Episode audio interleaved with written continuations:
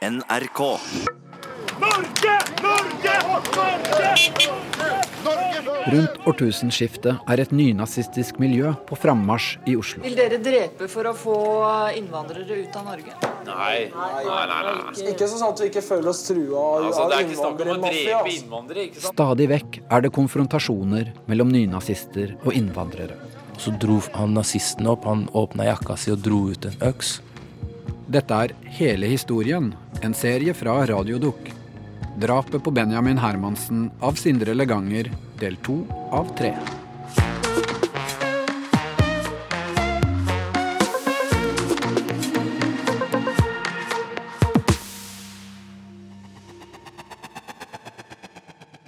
Benjamin Hermansen vokste opp på Holmlia sammen med moren sin Marit. Faren hans, som var fra Vest-Afrika, døde da Benjamin var fire år gammel. Marit gjorde det hun kunne for at sønnen skulle vokse opp med trygge rammer. Altså, jeg var nok en ganske sånn streng mamma. Og det var jeg hele tida. Jeg hadde vært det når han var en liten gutt, og jeg var det nok oppover i, i Altså da når han nærma seg tenåra, når han hadde blitt altså 13-14-15 og Klart vi, vi kunne krangle om det, og, og ja, men du sier alltid nei, og de andre får, og ikke sant, alt det der, og sånn hadde jo vi det òg. Helt fra Benjamin var liten, hadde Marit merka at han ofte ble behandla litt annerledes enn barna med nordisk utseende. Vi skulle jo ikke veldig langt av gårde før han, eh, han på en måte var eh, kanskje den eneste brune gutten liksom i, i der hvor vi var. Og det er klart jeg var redd for at han skulle få vonde opplevelser. Noen skulle si noe stygt, ikke sant, eller dytte den vekk, eller si 'her får ikke du lov til å gå', eller 'tar deg hjem igjen, din dumme utlending', ikke sant. Altså, for, altså Benjamin så på meg og sa 'ja, hvor skal jeg dra hen da'? Altså, jeg er jo herfra. Hvor skal jeg gjøre av meg da, hvis liksom alle må dra dit de kommer fra? Og, og han kunne jo også bli spurt hvor kommer du fra, hvor er du født, liksom? Ja, på Ullevål, sa Benjamin da. Det var sånn, for han var jo en, liksom en heilnorsk gutt. Men jeg tenkte jo egentlig aldri at de skulle være voldelige, eller at han skulle bli angrepet på noe vis.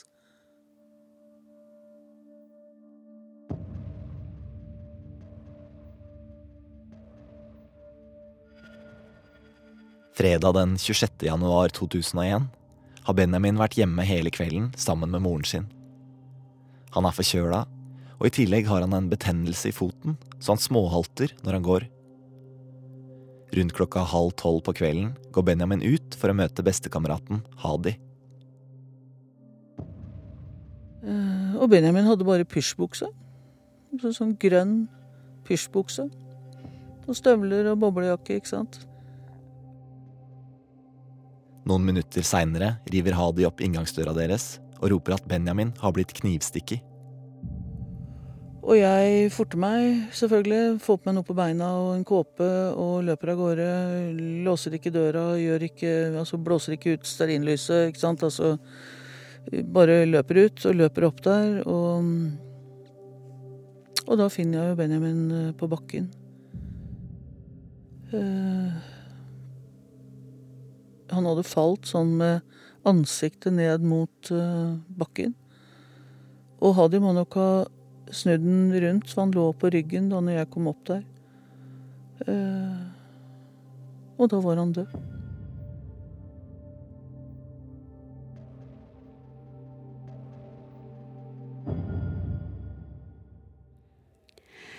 Eh, hustelefonen ringer, og jeg eh, hører at mamma tar telefonen og, og snakker da med, med venninnen min Marina.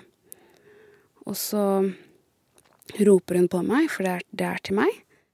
I 2001 er Haddy Sunko 14 år gammel og bor i en av naboblokkene på Holmlia. De ligger rundt et lite senter med en sparbutikk og en stor rundkjøring med parkeringsplasser ved siden av. Eh, Og så tar jeg telefonen, og så hører jeg at Marina eh, Hun skriker ikke. Hun snakker bare veldig fort og sier 'Benjamin er død'.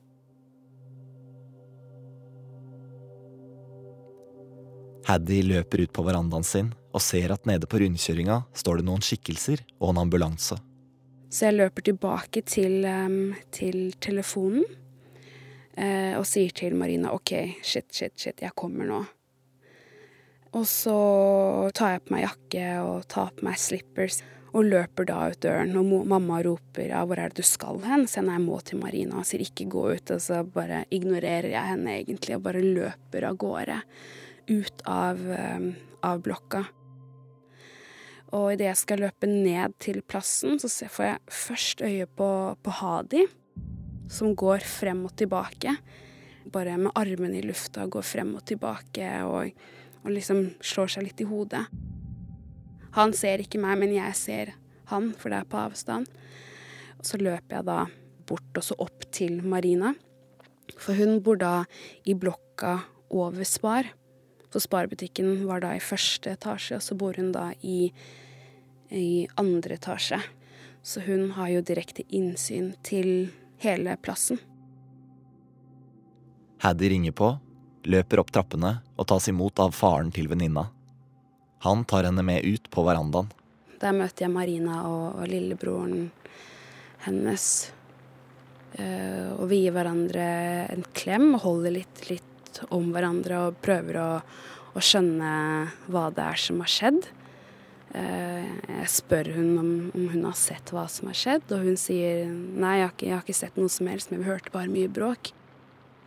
Og så står vi der, og vi ser ned på ambulansen. Jeg ser at moren til Benjamin sitter på, på baksiden av ambulansen. Jeg tror den ene ambulansedøra er åpen, så sitter hun da på noe. Hun har et, et grått pledd, tror jeg, rundt seg. Og så ser vi da um, litt bortenfor, så, så ligger da Benjamin. Um, ja, livløs.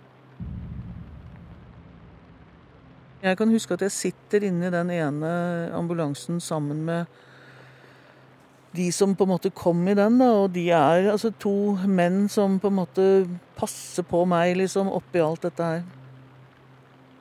Og den gangen røyka jeg. sånn at eh, Jeg husker at han ene fyren i den der ambulansen han satt og rulla røyk til meg, sånn at jeg kunne For jeg hadde jo ikke noen ting med, og jeg er jo der veldig lenge. Og det er også en politimann hjemme hos meg. og eh, for oppi alt da, så husker jeg vel det, ikke sant? at jeg har ikke låst døra, og jeg har ikke mm, Altså, det brenner et stearinlys på bordet, liksom.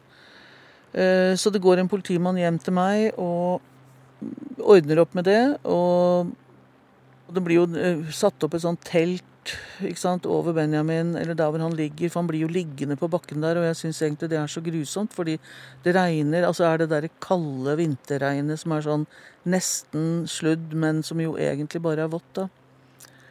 Uh, og jeg hadde lagt min kåpe over han når jeg kom opp der, så jeg hadde jo egentlig nesten ikke klær på meg. og Jeg var altså bare en sånn T-skjorte og joggebukse, ikke sant. Og og jeg vet ikke om jeg får låne en sånn politiskinnjakke, eller det bare er en politimann som har holdt meg inntil seg og trøsta meg, eller altså Det er i hvert fall en sånn opplevelse av sånn, eh, sånn svart skinnjakke, vet du, som er eh, sånn politiskinnjakke.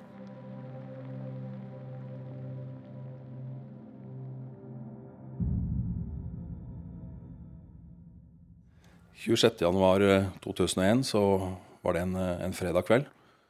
Bjørn Erik Øvrum jobba som politi ved stasjonen på Manglerud øst i Oslo. Jeg jobba kveld sammen med, sammen med, en kollega på Vårbygdene. Jeg husker vi var på, vi på, på Abelsø Vi hadde stoppa en ungdom for, som vi mistenkte at var påvirket av narkotika. Så vi tok med oss han inn på Manglerud politistasjon for litt nærmere undersøkelse, urinprøver og, og sånn. Og mens vi holder på med han i, i i kjelleren på Manglerud politistasjon så hører vi på politiradioen at det er knivstikking på Holmlia. Så da tar vi med oss han i bilen og kjører utrykning til Abelsø og slipper ut denne unggutten og kjører videre til, eh, til, eh, til Holmlia og kommer fram på, på åstedet der. Jeg ser jo en eh, person ligge på bakken med et, et teppe over seg. Jeg ser blod. Og jeg ser selvfølgelig de politipatruljene som har kommet før oss, står og snakker med mennesker. Og da det naturlige vi gjør der, å, jakte på hva er, som er arbeidsoppgavene her. Og jeg så at det var behov for avsperring, så jeg tok da tak i den, den biten og prøvde å få sperra av. Sånn at vi får et mest mulig intakt åsted for våre, våre åstedsgranskere.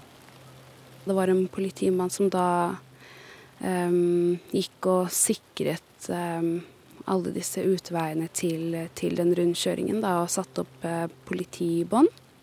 Haddy og venninna står på verandaen rett over butikken og har full oversikt over plassen ved rundkjøringa.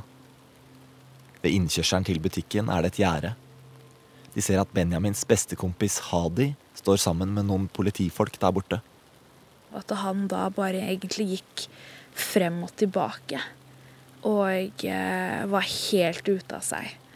Eh, og liksom slo seg litt i hodet og gikk rundt og, med armene opp. Og så satte han seg litt ned på huk, og så reiste han seg opp igjen. Og så altså, han bare gikk sånn frem og tilbake. Og etter hvert som tiden går, så, så, begynner folk å samle seg, og så kommer da noen kompiser av oss bort. Rundt plassen blir det etter hvert stående en ring av mennesker som følger med på hva som skjer. To gutter fra kameratgjengen til Benjamin og Hadi kommer gående mot butikken og ser Haddy og venninna stå på verandaen. De roper opp. Ja, hva er det som skjer her, og er det Nerki som har uh, Hva er det som skjer, sier de. Og da sier vi nei, det er Benny. Um, og de bare hæ? Hva er det, hva er det dere snakker om? står vi, nei, det er Benny, står vi og roper til dem. Det er Benny. Ja, hva med Benny? Nei, Benny, han er død, sier vi.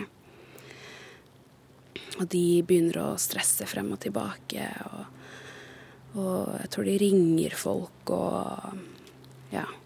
Snart har de samla en stor gjeng av Benjamins venner nede ved rundkjøringa. Så vi går ned til dem og står da og, og, bare egentlig snakker med dem og bare står samlet for å prøve å skjønne hva det er som har skjedd. Og kanskje de vet noe som ikke vi vet. Og man bare samler seg egentlig for å prøve å sette sammen brikkene. Og mens vi står der, da, så begynner journalistene å komme. Da er det allerede et ganske kaotisk eh, åsted. Det kommer veldig mye ungdom til etter hvert. Det kommer også stadig noen noe taxier og sånn, og så hopper ut noen noe journalister. og Jeg husker jeg merka meg også at det var en del fulle journalister som kom fra Oslo sentrum. Rett fra puben antagelig. Alle de prøver å ta kontakt med oss for å høre hva som har skjedd, men det er klart vi har begrensa med ressurser til å kunne ta oss av, journalistene. Og mens vi står der, da, så begynner journalistene å filme oss, da. Og stille spørsmål om hva vi føler og hva vi tenker. Og da klikker det jo for, for disse guttene her.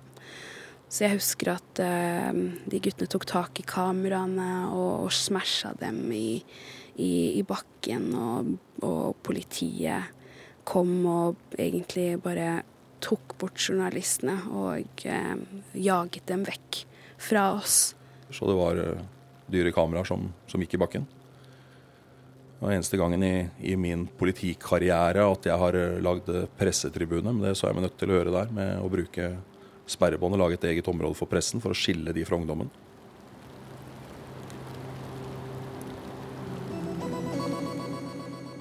Her er NRK Dagsnytt klokken ett. En gutt i 15-årsalderen er i kveld stukket i hjel på Holmlia i Oslo.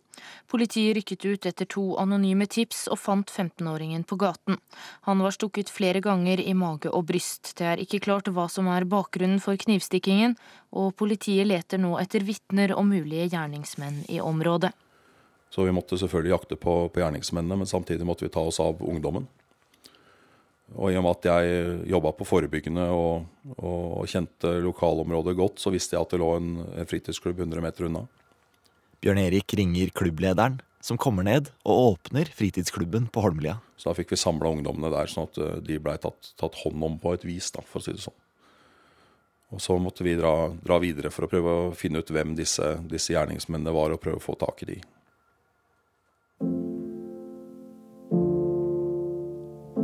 Benjamins mor Marit blir fulgt vekk fra rundkjøringa, bort til leiligheten til ei venninne. Der venter broren og søsteren hennes, som prøver å ta seg av henne så godt de kan. Politiet spør Marit om hvem hun tror kan stå bak drapet på sønnen hennes. Hun har ikke noe svar. Jeg tror at det var, det var på en måte ikke jeg, jeg, tenkte ikke på det. Altså, det var som om det ikke var eh, Altså, det, det, det eneste det handla om, var jo at Benjamin var død. Altså, Benjamin var drept. og Og hvem som hadde gjort det. Altså, det var på en måte nesten irrelevant. Altså, det hadde ikke plass til det inni hodet, tror jeg. Altså. jeg tror, for jeg tror nesten ikke at jeg tenkte noe rundt det da i det hele tatt. Det var helt umulig å ta inn egentlig at Benjamin øh, ikke skulle komme hjem mer, ikke sant.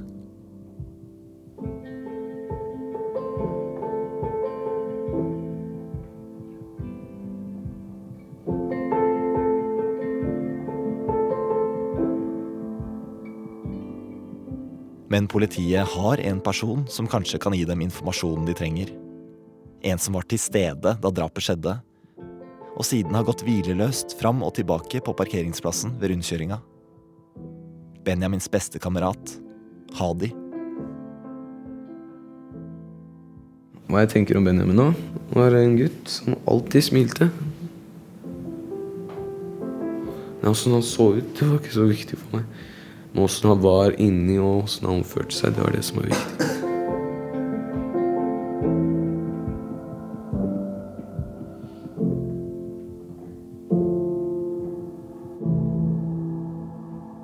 Benjamins bestekamerat Hadi skal etter hvert bli politiets viktigste vitne i jakten på gjerningsmennene. Han var 16 år da drapet skjedde, og ble avhørt i timevis over flere dager. I tida etterpå har han aldri gitt lange intervjuer, med ett unntak. Uh, jeg er en gutt. Kommer fra Iran. Går på Andøya skole. Og så har jeg ikke noe mer å si om meg selv. I februar 2001, bare noen uker etter at Benjamin ble drept, besøkte NRK-journalisten Katinka Rondan Holmlia skole. Der møtte hun Hadi. Altså, Holmlia har alltid hatt det ryktet på seg at det, ah, dårlig miljø. Her er jo getto, jo. Også. Det er jo dumt. Fordi her er det beste miljøet. Jeg har jo bodd på mange andre forskjellige steder. Nå har jeg bodd her i ca. seks år. De tror det er liksom bakgaten i Harlem, ikke sant. Men det er jo det ikke. Det er Holmlia, Holmlia. Det er blanda kultur, både norsk og fra mange andre land også. Det er For meg er det beste stedet å bo i Oslo. Da Hadi var ti år, flytta familien hans inn i en av blokkene rundt rundkjøringa på Holmlia. Han begynte på en annen barneskole enn den Benjamin og kameratene hans gikk på. Men jeg begynte på fotballaget deres samme uke etter at jeg kom hit. Så, så ble jeg kjent med hele laget, og da var Benjamin en av dem. Så vi ble liksom kjent helt fra da. Så har vi vært venner, og så har det vennskapet bare bygd seg oppover og oppover. Helt til nå.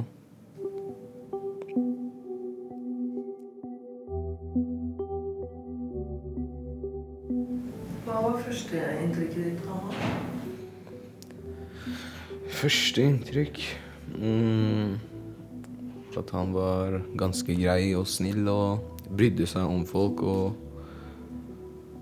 han var en som alltid hjalp med til venner uansett hva det var. Han var alltid blid, alltid smilte. Jeg selv så han kanskje sur to-tre ganger, men det varte bare i kanskje ett minutt eller noe sånt. Han fortalte alltid masse morsomt. Det var liksom kult å være med han. Og så han fikk, til, han fikk oss til å le, liksom.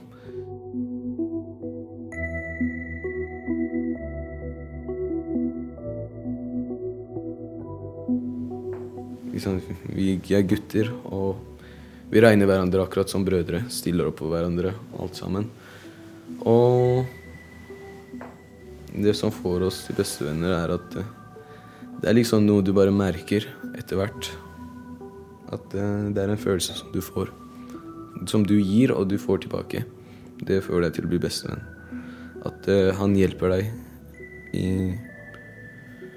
onde dager og er med deg i gode, liksom. Det er det.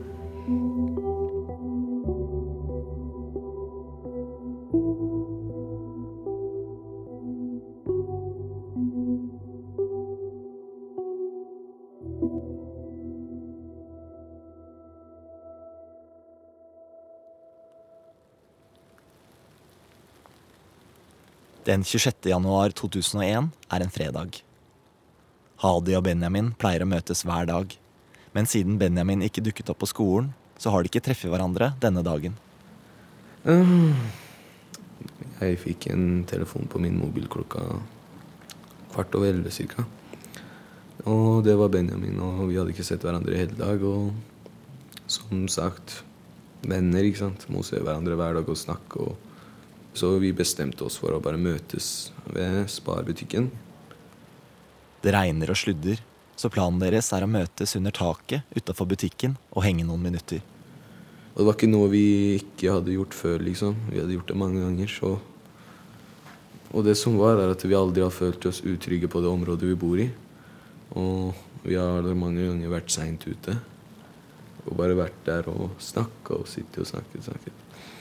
Men det som var, er at vi bestemmer oss for å møtes. Så sier han til meg 'løp til', sier det, så løper jeg også. Så fordi han måtte fort hjem og skrive oppgave om den kalde krigen som han skulle levere på mandag.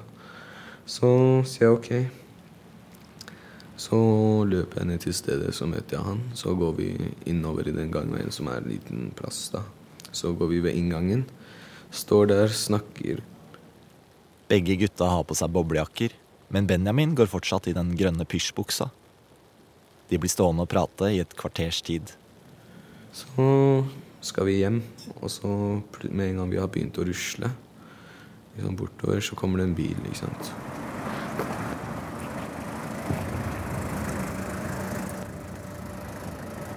En lyseblå Ford Granada ruller sakte bortover mot Hadi og Benjamin. Og begge to ser i bilen og ser liksom de store, skalla nazimannene. Så vi bare går forbi bilen sakte og rolig uten å bare Så kommer vi litt lenger bort bak bilen, så kommer en mann ut og går sakte og rolig til motsatt dør fra førerdøra, liksom. På motsatt side. Og åpner opp bakerste dør sant? og bøyer seg innover. Så i det øyeblikket så vi kanskje ti meter unna bilen. Så sier Benjamin til meg «Eh, Hadi, tenker du det samme som jeg tenker? Så sier jeg ja, nazister. Hadi og Benjamin ser bilføreren åpne døra til baksetet for å slippe ut en mann til. De har på seg mørke jakker og olabukser og er glattbarberte på hodet. Men så så jeg meg bak, og så så jeg at uh, to stykker har begynt å løpe. da. Sjåføren og passasjer, som vi kaller dem. Uh, og så sier jeg til Benjamin løp, og jeg også setter i gang med beinet. Og jeg tar meg ikke tid til å se bakover. Så, men når jeg kommer meg litt unna og ser at Benjamin ikke er lenger ved siden av meg, så ser jeg meg bakover, og så ser jeg at eh, Benjamin faktisk blir tatt. Hadi ser at bilføreren får tak i Benjamin bakfra. Benjamin river seg løs og løper videre. Så løper jeg litt lenger bort, så snur jeg meg igjen for å se hva som skjer. Og så ser jeg at eh, Han blir jo tatt en gang til, men han kommer seg bort. Og så kommer jeg litt over, oppover eh, bakke. Og så ser jeg at den ene mannen har liksom sperret veien for Benjamin som han skulle rømningsveien, eneste rømningsveien hans. Der veien fra butikken munner ut i rundkjøringa, står det et gjerde som gjør veien smalere. På den andre siden av gjerdet er det et par meter ned til asfalten. Fra rundkjøringa ser Hadi at passasjeren stenger veien, slik at Benjamin ble trengt opp i hjørnet mellom butikkveggen og gjerdet. Og så eneste opp, øh, utveien liksom, for å komme seg unna var å hoppe over et gjerde. Og det var langt ned, ca. 2,5-2 meter ned. Så han prøver å hoppe ned. Hadi ser en av mennene gripe etter Benjamin idet han skal hoppe. Så tror jeg han ene fikk tak i han liksom på en måte så han falt, landa på magen. Akkurat som mageplask, liksom. Så Det var en som hadde sperra veien, som løper bort til han, setter seg på han og Benjamin har snudd seg over på ryggen. Passasjeren løper bort og setter seg oppå han. Hadi ser at mannen har en kniv.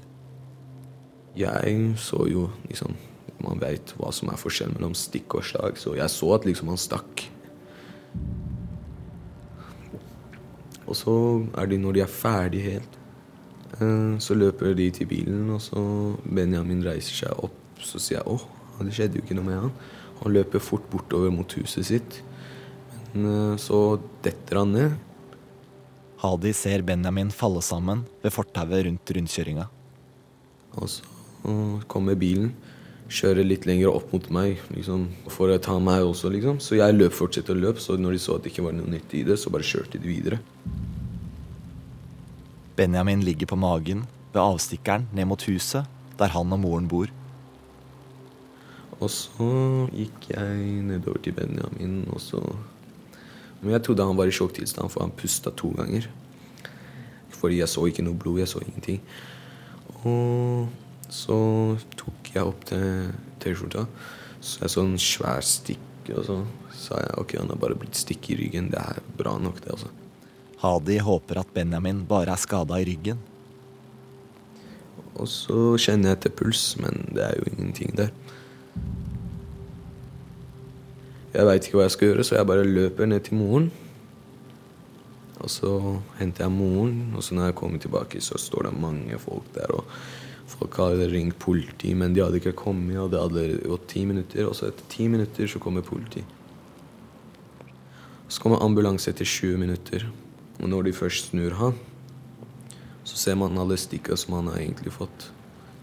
For jeg, jeg visste at jeg så flere enn ett stikk i den. Det er liksom helt normalt. Men når jeg så bare ene stikket, så bare håpet jeg på det ene stikket. Ferdig med det. Så ble jeg bedt om å sitte inne i politibilen. Liksom. Så når jeg sto ute, så trakk de hvit hvitt stoff eller noe sånt over han, og da skjønte jeg liksom Jeg hadde liksom liten peiling på at han hadde død allerede, for siden jeg hadde kjent etter puls og greier. Så da var det i radioen at eh, han hadde blitt snikket inn i hjertet, og så døde to minutter etterpå. Så det var det. Jeg var den første som fikk nyheten, og så var det å Ja, og så var det det.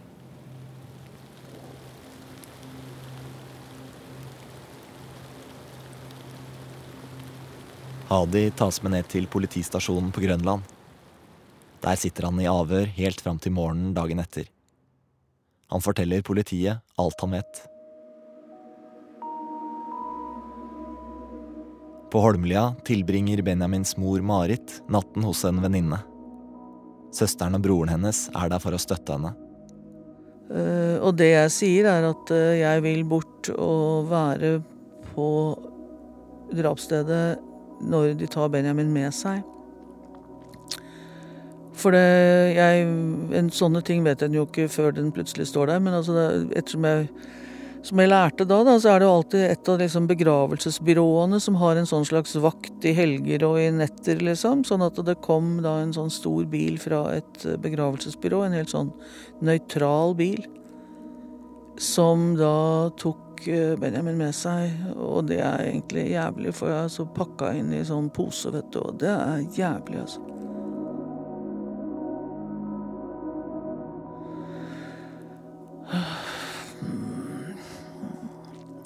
Men jeg sier da i hvert fall til politiet at de må hente meg før de tar han med. Eh, Så broren min og jeg går dit bort og er der eh, når de reiser av gårde med han.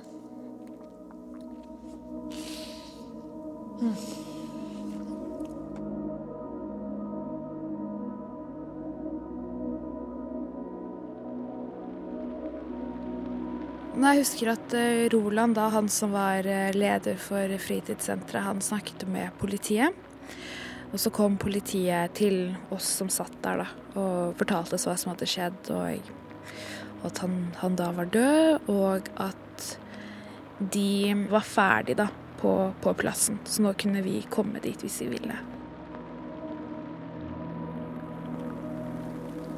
Og da husker jeg det var øh, noen andre jenter som hadde da funnet noen kvister fra, fra gran eller noe sånt. Noe, som de bar på bort, og så fikk vi noe lys fra, fra klubben.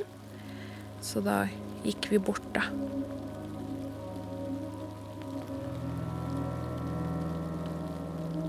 Det var faktisk ikke så innmari mye snø der, for det hadde regnet. Eh, Det var kaldt, men det hadde regnet, så det var litt sånn, sånn våt snø, hvis jeg kan si det på den måten. Så vi la ned noen kvister, og så la vi ned noe lys. Og så var det for at eh, lysene ikke skulle eh, blåse, så la vi litt snø rundt, da. En sånn borg. Så sto vi der vel en liten stund, og så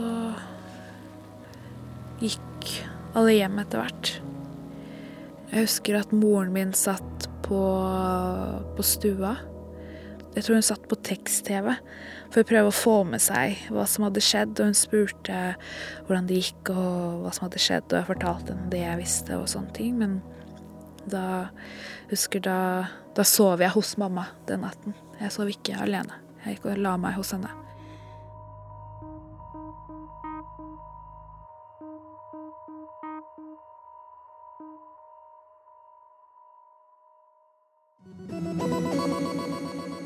Her er NRK Dagsnytt klokka 7.30. En 15 år gammel gutt ble stukket i hjel med kniv på Holmlia i Oslo sent i går kveld. Politiet rykket ut etter to anonyme tips og fant 15-åringen på gaten. Politiførstebetjent Sindre Flåte ved Oslo politikammer sier de leter etter to personer som er mistenkte i saken. Når det gjelder signalementet, så tyder det på at dette er to menn, 20-25 år, og normal kroppsbygning og har da skallet hode, står det her i forklaringa. Hvordan gikk disse personene kledd? De har mørk jakke, tule skinnjakke, og hadde også da en lyseblå dongeribukse. Og det er også opplyst at de hadde militære støvler. Politiet anser vitneforklaringer som knytter de to mistenkte til ugjerningen, som sterke. Denne forklaringen som vi da refererer til, det er da en person som sto den avdøde svært nær, og som så uh, ugjerninga.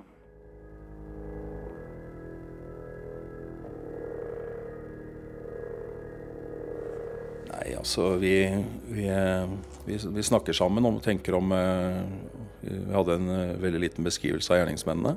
Politimann Bjørn Erik Øvrum. Og de så ut som, som nynazister, var en del av beskrivelsen. Så da tenkte vi også hvem, hvem kan dette være? Og så oppsøkte vi noen adresser som vi mente kunne være aktuelle. Og eh, på en av disse adressene, da, som lå på, på, eh, på Bøler, så blei jo også to av de tre som senere ble dømt for, for drapet, blei også funnet på, på den adressen.